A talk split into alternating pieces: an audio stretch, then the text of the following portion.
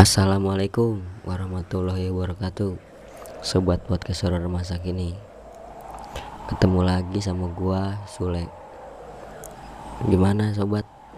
Apa kabar kalian semua?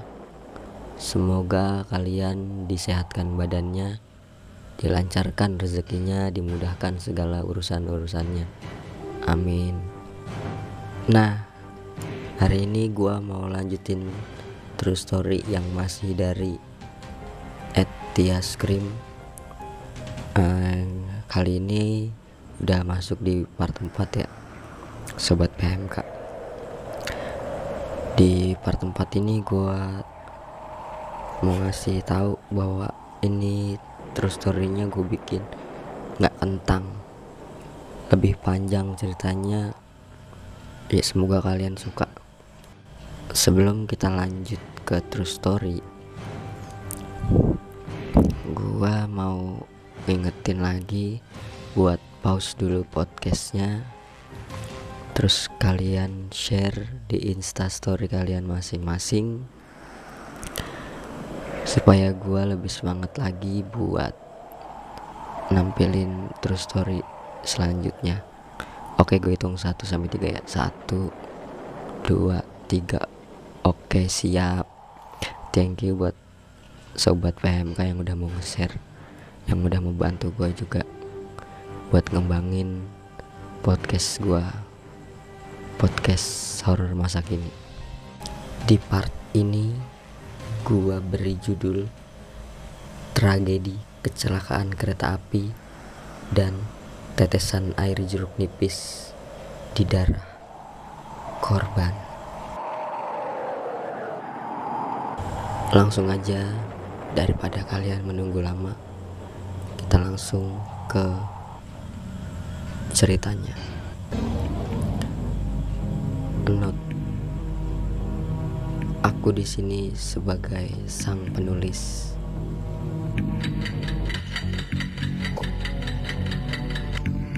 Cerita ini terjadi sekitar tahun 1998 aku dapat dari banyak sumber yaitu pemilik kos, teman pelaku penetes air jeruk nipis, dan tetanggaku sendiri. Cerita ini mungkin seperti di film-film, tapi sumpah ini nyata. Kenapa bisa langsung ada jeruk nipis? Karena di depan rumah kos tersebut tumbuh pohon jeruk nipis. Itu sebagai gambaran jika Pendengar bertanya-tanya bahwa ini memang cerita nyata yang berada di kampungku.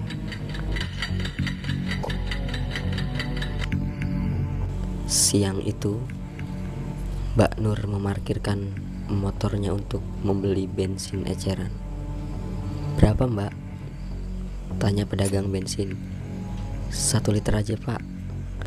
Jawab Mbak Nur sambil memberikan uang ke pedagang itu. Waduh, kembaliannya belum ada mbak. Ya udah gampang, nanti kalau ke sini lagi. Jawab Mbak Nur. Lalu kemudian Mbak Nur menyalakan motornya untuk lanjut jalan.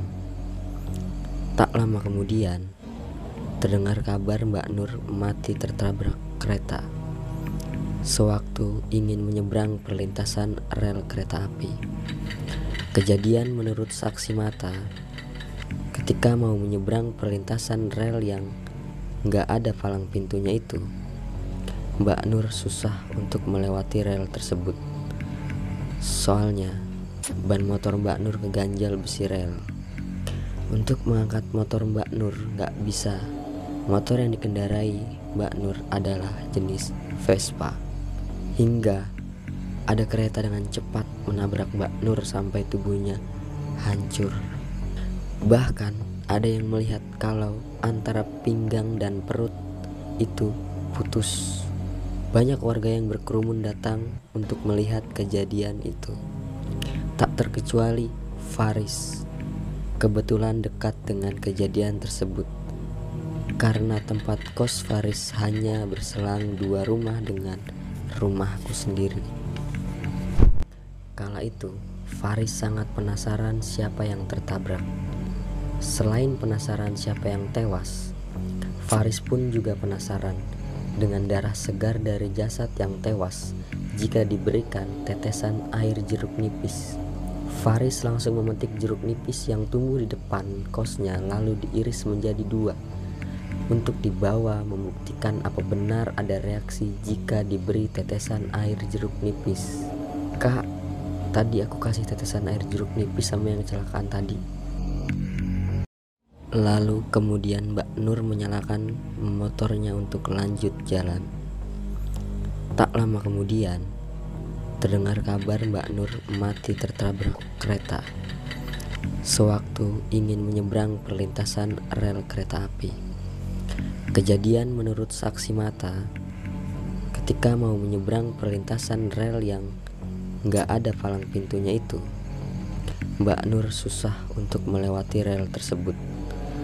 Soalnya ban motor Mbak Nur keganjal besi rel. Untuk mengangkat motor Mbak Nur nggak bisa. Motor yang dikendarai Mbak Nur adalah jenis Vespa. Hingga ada kereta dengan cepat menabrak Mbak Nur sampai tubuhnya hancur. Bahkan ada yang melihat kalau antara pinggang dan perut itu putus. Banyak warga yang berkerumun datang untuk melihat kejadian itu. Tak terkecuali Faris. Kebetulan dekat dengan kejadian tersebut. Karena tempat kos Faris hanya berselang dua rumah dengan rumahku sendiri. Kala itu, Faris sangat penasaran siapa yang tertabrak. Selain penasaran siapa yang tewas, Faris pun juga penasaran dengan darah segar dari jasad yang tewas jika diberikan tetesan air jeruk nipis. Faris langsung memetik jeruk nipis yang tumbuh di depan kosnya lalu diiris menjadi dua untuk dibawa membuktikan apa benar ada reaksi jika diberi tetesan air jeruk nipis. Tadi aku kasih tetesan jeruk nipis sama yang kecelakaan. Ucap Faris kepada Eka, teman kosnya. Kalau ada risiko apa-apa gimana? Ucap Eka. Ya paling setan, gak mungkin bisa bunuh juga kan? Itu bisa sampai lama arwahnya ganggu kamu. Ya nanti kita buktikan aja. Jawab Faris dengan nada enteng. Tepat pukul 10.30 malam atau jam setengah 11 malam. Setelah pulang kerja, Faris langsung masuk kamar. Dari dalam kamar kos tercium bau amis yang menyengat di hidung Faris. Faris hanya berpikir jika ada bangkai tikus di dalam kamarnya. Lalu Faris pun mencari di mana asal bau itu. Lama dicari tapi tak ketemu. Akhirnya Faris buka pintu kamar berharap baunya hilang. Tak lama berselang, kemudian pintu kamar menutup dengan kencang. Blak! Suara pintu yang mengagetkan. Faris yang kaget langsung berdiri serta penasaran siapa yang menutup pintunya. Setelah menengok kanan kiri, hanya sunyi dan sepi di lorong kosnya. Faris pun datangi kamar Eka. Kebetulan hanya bersebelahan. Tadi siapa ya kak yang nutup pintu kamarku? Tanya Faris. Ketahu, lagian aku di kamar nggak keluar kan? Di sini cuma ada kita, Mas Gani sama Toto nggak di kos. Jawab Eka. Faris mulai mengecek siapa sih yang iseng dengannya. Dia melihat dua kamar sebelahnya terkunci gembok. Sedangkan samping kamarnya memang kosong tak ada yang menghuni. Memang sudah lama kosong. Iya, kok sepi ya? Gak mungkin juga kalau angin kak. Tanya Faris kepada Eka.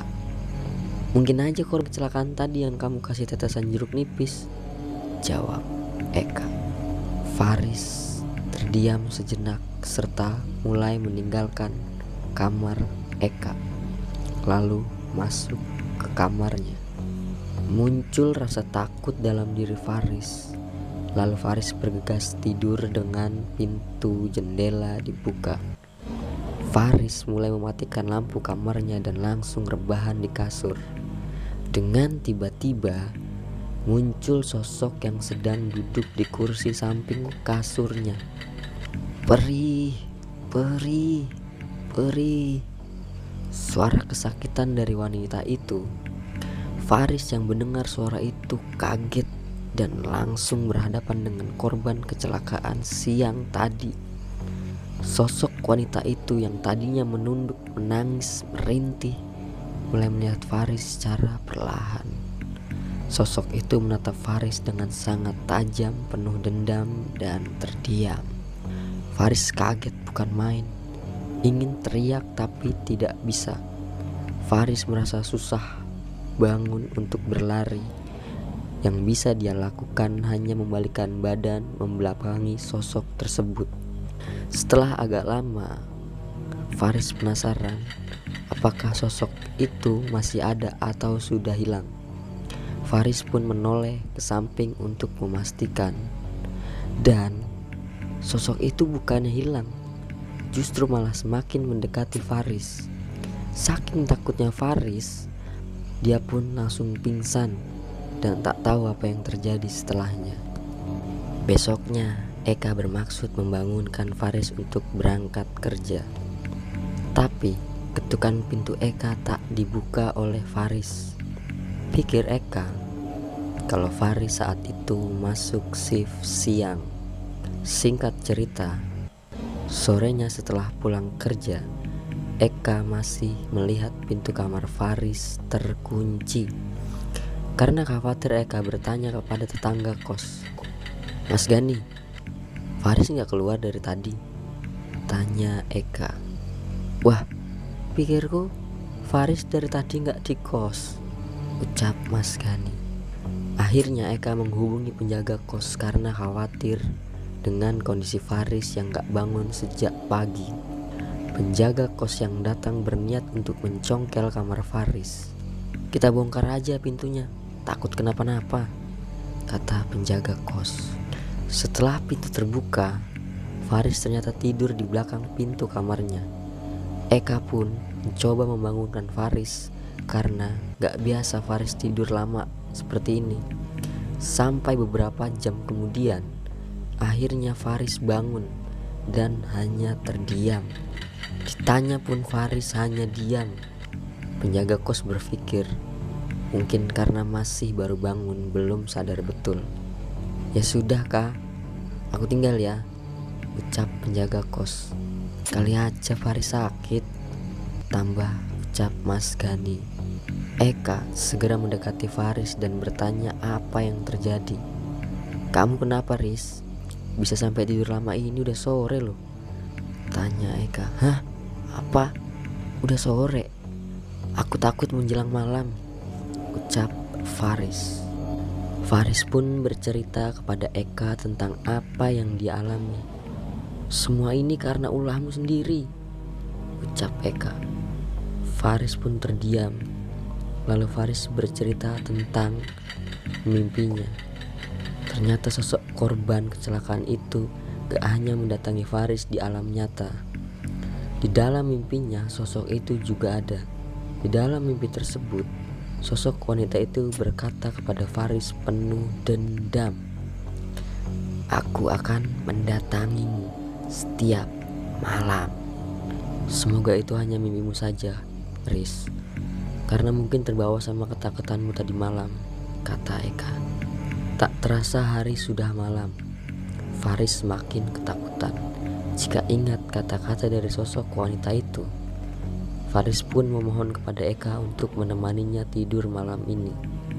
Sebenarnya, Faris ingin sekali memberitahu tentang perbuatannya kepada warga sekitar, tetapi karena takut oleh perbuatannya, maka selalu Faris urungkan. Apalagi Faris pendatang di situ. Makin terpojok Faris dengan kondisi. Faris pun berpindah, memohon untuk tidur bersama Eka. Eka pun mengiyakan karena kasihan melihat kondisi Faris. Malamnya Eka ada keperluan untuk pergi. Riz, aku pergi dulu ya, bentar. Paling jam 10 udah pulang kok. Ucap Eka. Ya udah, aku tunggu ya. Jawab Faris. Ya udah dengerin lagu aja tuh. Kata Eka sambil menunjuk radio tip. Singkat cerita, gak lama setelah Eka pergi, tiba-tiba lampu kos mati lampu. Faris yang mulai panik dan mencari teman keluar kos. Ternyata semua pintu digembok. Faris baru sadar kalau dia hanya sendiri di kos. Faris mencoba tenang untuk tiduran santai di kamar. Setelah lama menunggu Eka, terdengar bunyi ketuk pintu dari pintu depan kos, bukan pintu kamar. Faris langsung berlari keluar untuk membuka pintu. Dibukalah pintu itu oleh Faris. Tapi setelah dibuka ternyata tidak ada orang sama sekali. Ketakutan pun semakin menjadi Apalagi kosnya ada lilin yang membuat Faris susah untuk melihat sekitar. Faris balik ke kamar tapi baru beberapa langkah blak. Suara pintu depan kosnya menutup dengan kencang. Faris langsung teringat kejadian kemarin yang dialaminya Semakin bertambahlah ketakutan Faris. Singkat cerita, Eka pun pulang jam 10 malam. Eka khawatir oleh Faris karena sendiri di kamar. Ditambah sedang mati lampu juga. Eka masuk kos dengan korek kayu yang dia punya. Eka pun kaget mendapati Faris sedang menggigil ketakutan duduk jongkok di pojok kamar sambil melihat pintu kamar. Faris hanya terdiam tanpa reaksi, hanya menggigil sangat ketakutan. Riz, kamu kenapa? Teriak Eka. Faris saat itu hanya diam ketika ditanya Eka. Eka pun lari keluar untuk meminta pertolongan, termasuk lari ke rumahku juga. Melihat kondisi Faris yang seperti sangat tertekan dan Sementara perbuatan Faris itu masih disembunyikan oleh Faris dan Eka karena takut jika warga sekitar apalagi keluarga korban marah jika tahu buatan Faris yang sebenarnya. Beberapa tetangga mulai datang untuk melihat kondisi Faris. Sementara lampu masih padam. Kala itu Faris pun sudah mulai tenang saat para tetangga berdatangan. Ada kejadian apa Mas Faris? Tanya salah satu tetanggaku. Berbarengan dengan lampu yang mulai menyala. So Sosok itu muncul di, di depan kamar kos. Di, Dia berdiri menatapku tajam Marah seperti dendam. Ucap Faris terbata-bata. Memang sosok apa mas? Lalu Faris hanya dia menunduk Eka pun yang menjawab pertanyaan tetanggaku tersebut. Faris melihat sosok korban kecelakaan kereta api yang kemarin, Pak. Ucap Eka. Yang kemarin? Itu Mbak Nur ya? Iya, Pak. Jawab Eka. Kenapa kok bisa menghantui kamu? Eka dan Faris hanya diam dan tak mau cerita perihal perbuatan yang dilakukan oleh Faris. Ya sudah, banyak baca doa saja supaya nggak diganggu lagi. Lalu para tetangga pergi meninggalkan Faris dan Eka. Setelah itu, Eka berbicara dengan Faris.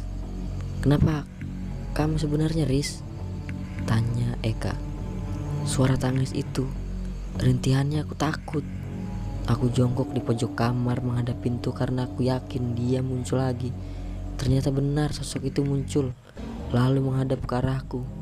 Wajahnya kak terlihat marah sekali. Dan aku bersyukur kamu datang Ucap Faris. Riz Kan kamu sudah bilang Jika arwahnya menghantui Gak mungkin bisa membunuh kan? Ucap Eka meyakinkan Faris supaya tak takut lagi. Tapi Penampakan itu kak Ucap Faris. Sudahlah Riz Ucap Eka dengan nada yang kesal Sementara malam semakin larut, Eka yang menemani Faris akhirnya tertidur. Berbeda dengan Faris yang tak bisa tidur. Karena sudah seharian tidur ditambah lagi Faris masih shock dan amat sangat takut dengan kejadian tadi.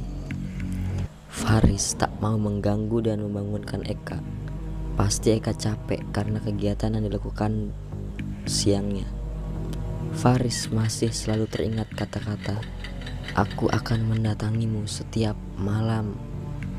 Kala itu waktu sudah menunjukkan jam satu dini hari. Itu membuat Faris makin ketakutan.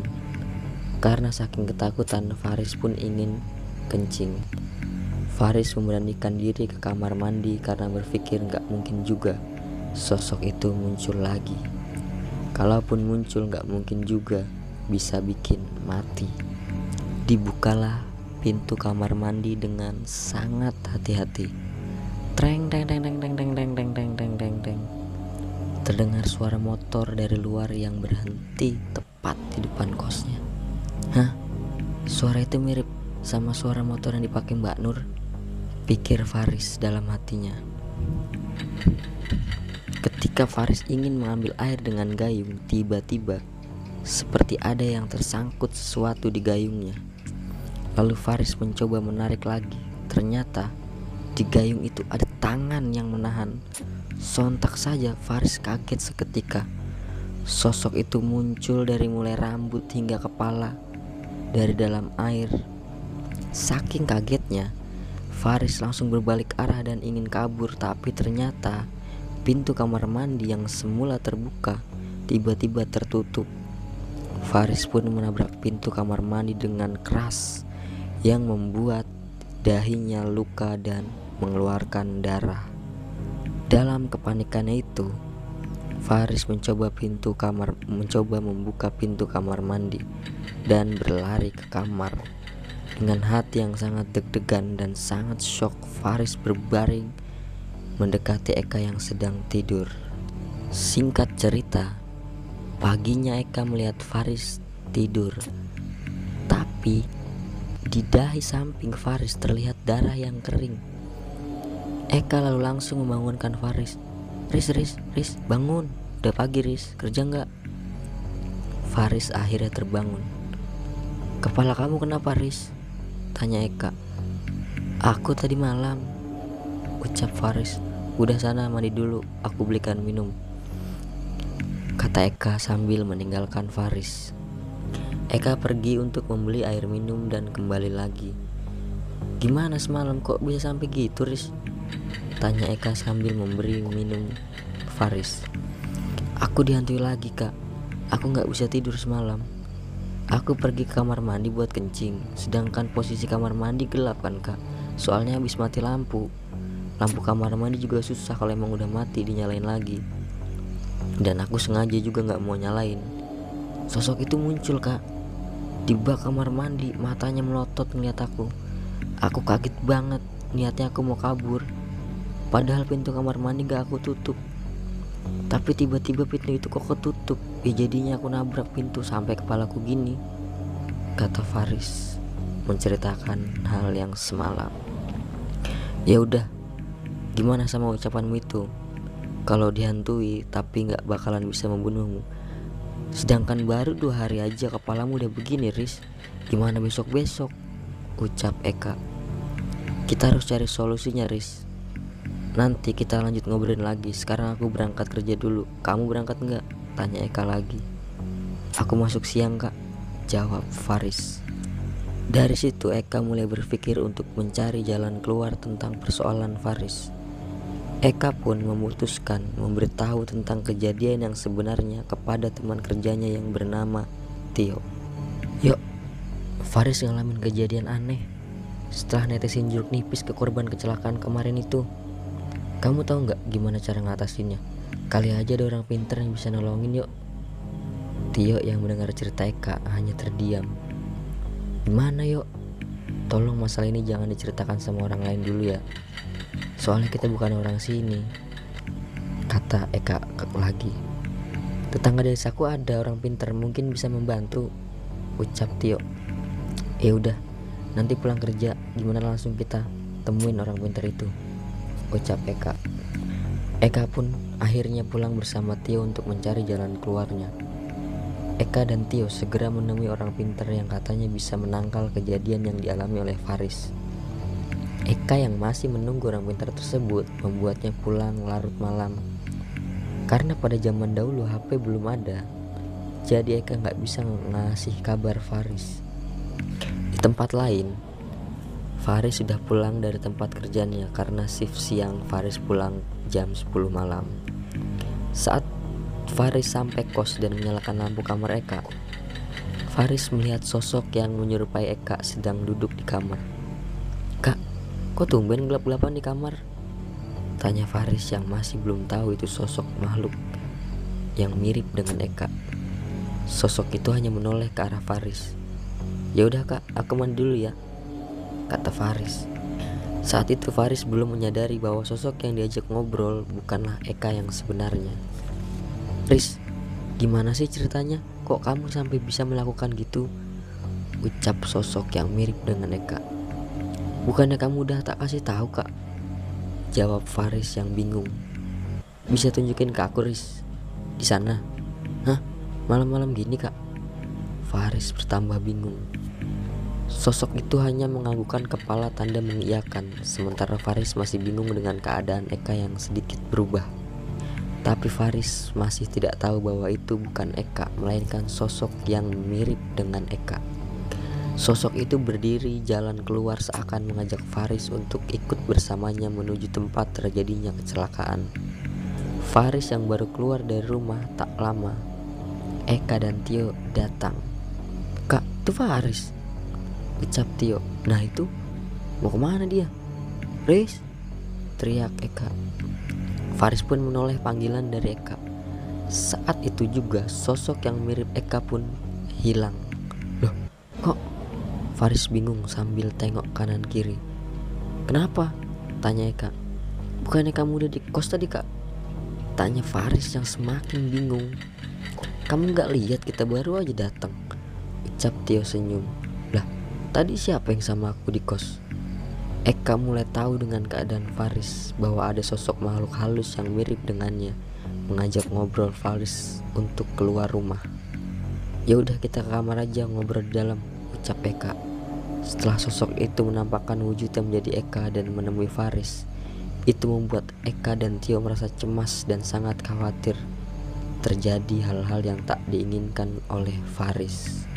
Tio mau nginep, Riz? Kita tidur di kamar bertiga ya Ucap Eka kepada Faris. Hah? Iya kak. Oke, aku ambil bantal dulu ya.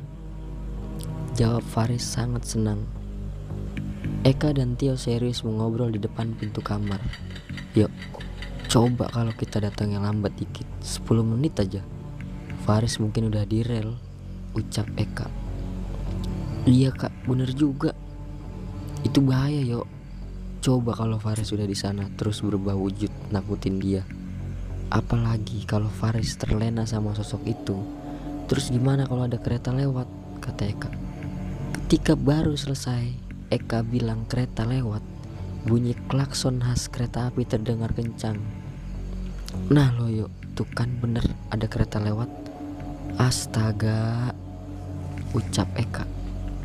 Tio hanya memandang tajam Eka seperti mengiyakan bahwa jika terlambat sedikit saja, mungkin berbeda ceritanya. Singkat cerita, mereka bertiga sudah tertidur.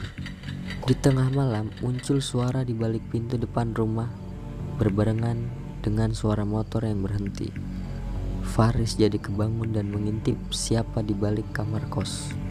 Ternyata itu Mas Gani yang baru saja datang dari luar kota.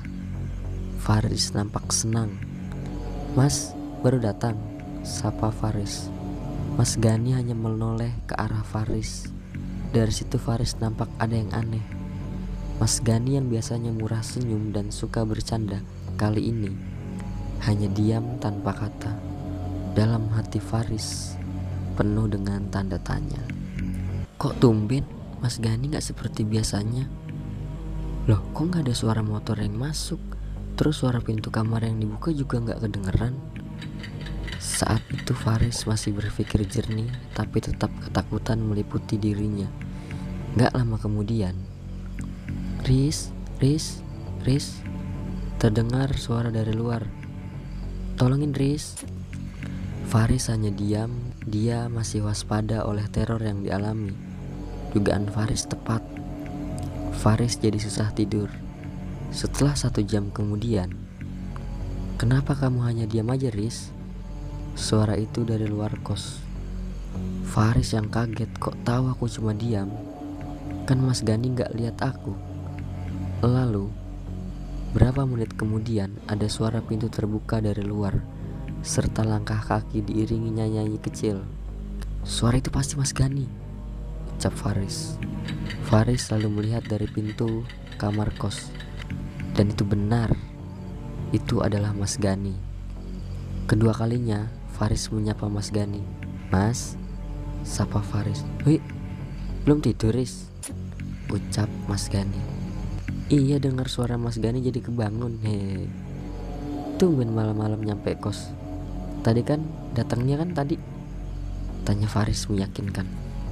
Loh, ini aku baru sampai. Ini tasku loh. Jawab Mas Gani sambil melihat melihatkan tasnya.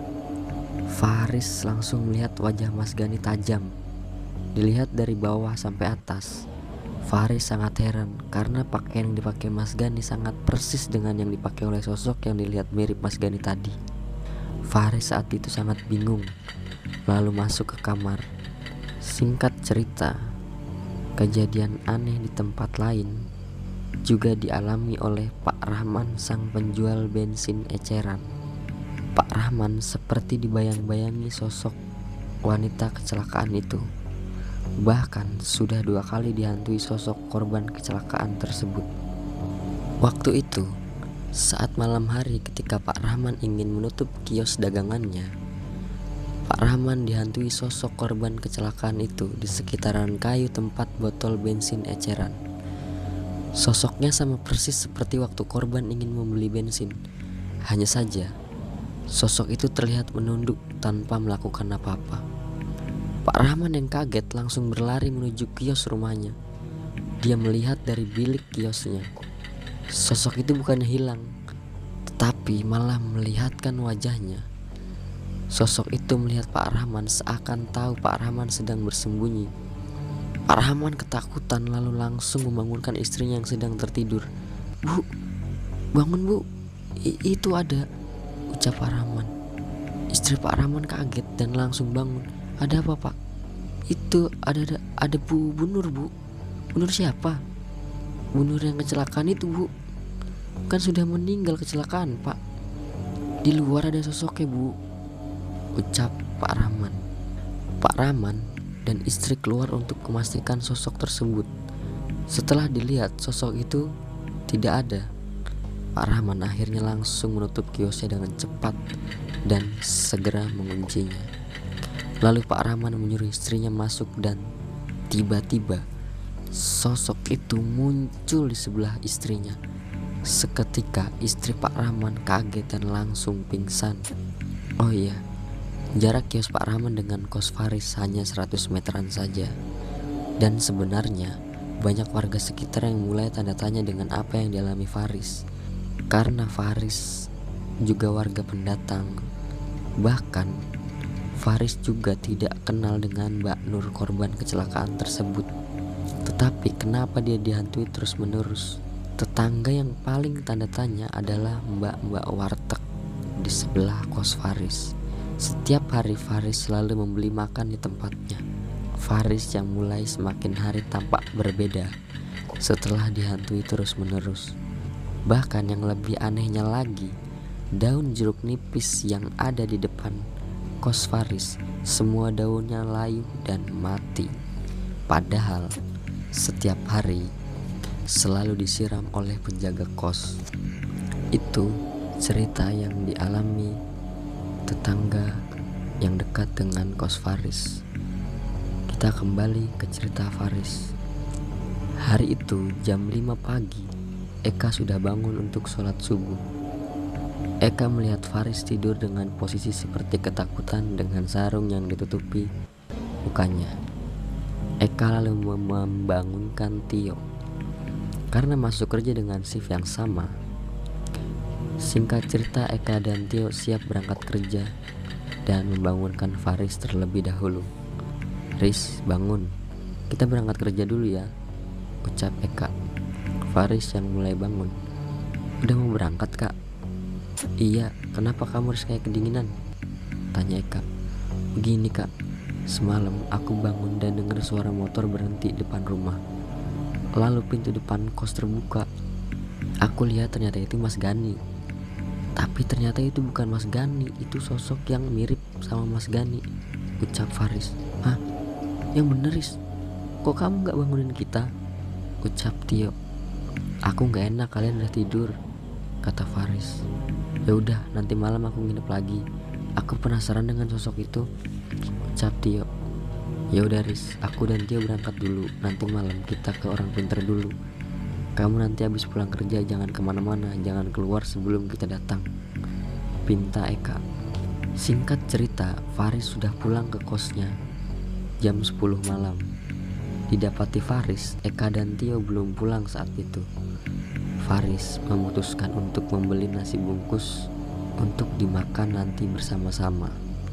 Setelah membeli nasi, Faris pergi mandi. Setelah selesai mandi, Faris melihat Eka dan Tio sudah pulang. Ternyata itu bukan Eka dan Faris yang ternyata ternyata itu bukan Eka dan Tio yang sebenarnya. Itu sosok yang menyerupai mereka berdua. Kak, yuk udah sampai. Gimana tadi? Tanya Faris. Kedua sosok itu hanya terdiam. Lalu Faris menyantolkan handuknya yang masih basah. Ini aku bawa makan. Makan dulu aja, ajak Faris. Kedua sosok itu mulai memandang Faris dan berkata, Ayo kita ke sana. Ke mana? Gak makan dulu aja, jawab Faris. Sosok itu mulai meninggalkan Faris dan pergi meninggalkan kamar kos. Mau gak mau, Faris mengikuti mereka. Faris menuju rel kereta api mengikuti sosok mirip Eka dan Tio. Kerel maksudnya? Ucap Faris bingung. Sosok yang mirip dengan Eka menganggukkan kepala. Beberapa jam kemudian, Eka dan Tio sampai di kos. Eka pamit ke kamar mandi karena menahan kencing dari tadi. Tio sempat melihat ada keramaian yang terlihat dari arah rel, tapi Tio segera masuk kamar kos. Tio heran karena posisi lampu kamar sudah menyala, tapi nggak ada Faris di dalamnya. Nggak lama, kak, kak, Faris nggak ada di kamar. Teriak Tio. Eka langsung keluar kamar mandi. Di mana dia? Tanya Eka. Ada nasi bungkus. Apa Faris mau beli minum? Ucap Tio. Gak tahu juga. Coba cek kamar Mas Gani. Dikunci dari luar kak. Beberapa menit menunggu, Faris tak kunjung datang. Eka dan Tio mulai khawatir dengan keberadaan Faris. Coba kita cari ke warung yuk. Kali aja di sana. Ajak Eka. Ayo. Ucap Tio. Mereka langsung keluar menuju warung, sementara di dekat rel kereta banyak warga yang berkerumun. Eka dan Tio masih fokus ke warung untuk mencari Faris. Warungnya tutup kak, ucap Tio. Hah? Iya. Apa sama Mas Gani kali ya? Kata Eka. Kak, banyak warga di sana. Ucap Tio. Ada apa ya? Coba tanya yuk. Kata Eka. Mereka berdua berjalan menuju rel. Ketika hampir sampai, mereka dengar ada warga yang teriak. Ada orang ketabrak kereta. Hah? Siapa itu yang ketabrak kak? Ucap Tio. Eka mencoba mencari tahu siapa di balik sosok yang tewas itu. Lalu Eka mencoba membuka beberapa bagian yang ditutupi oleh koran. Ternyata Faris yo, itu Faris. Ucap Eka sambil menangis. Ternyata Faris tewas tepat di lokasi kejadian tewasnya Mbak Nur korban kecelakaan yang tertabrak kereta yang ditetesi oleh jeruk nipis oleh Faris. Cerita ini sebenarnya klimaks. Kenapa klimaks? Karena banyak sumber yang saya yang aku tanya-tanya dan sampai saat ini misteri kematian Faris pun masih menjadi tanda tanya. kita berdoa sama-sama semoga Faris ditempatkan di sisi Allah Subhanahu wa taala. Amin. Untuk not yang namanya ajal, kapan, waktu, dan tempat sudah ada yang mengatur oleh Allah Subhanahu wa taala. Banyak yang mengaitkan dengan kejadian-kejadian aneh dan tak masuk akal. Sekali lagi, percaya dengan Allah Subhanahu wa taala. Jangan sampai terperdaya oleh syaitan.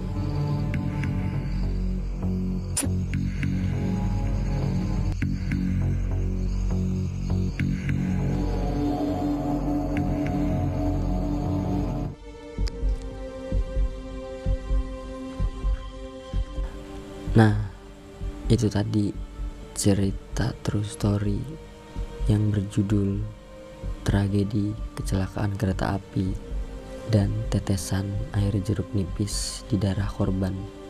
Menurut lu gimana sih cerita ini, sobat PHMK?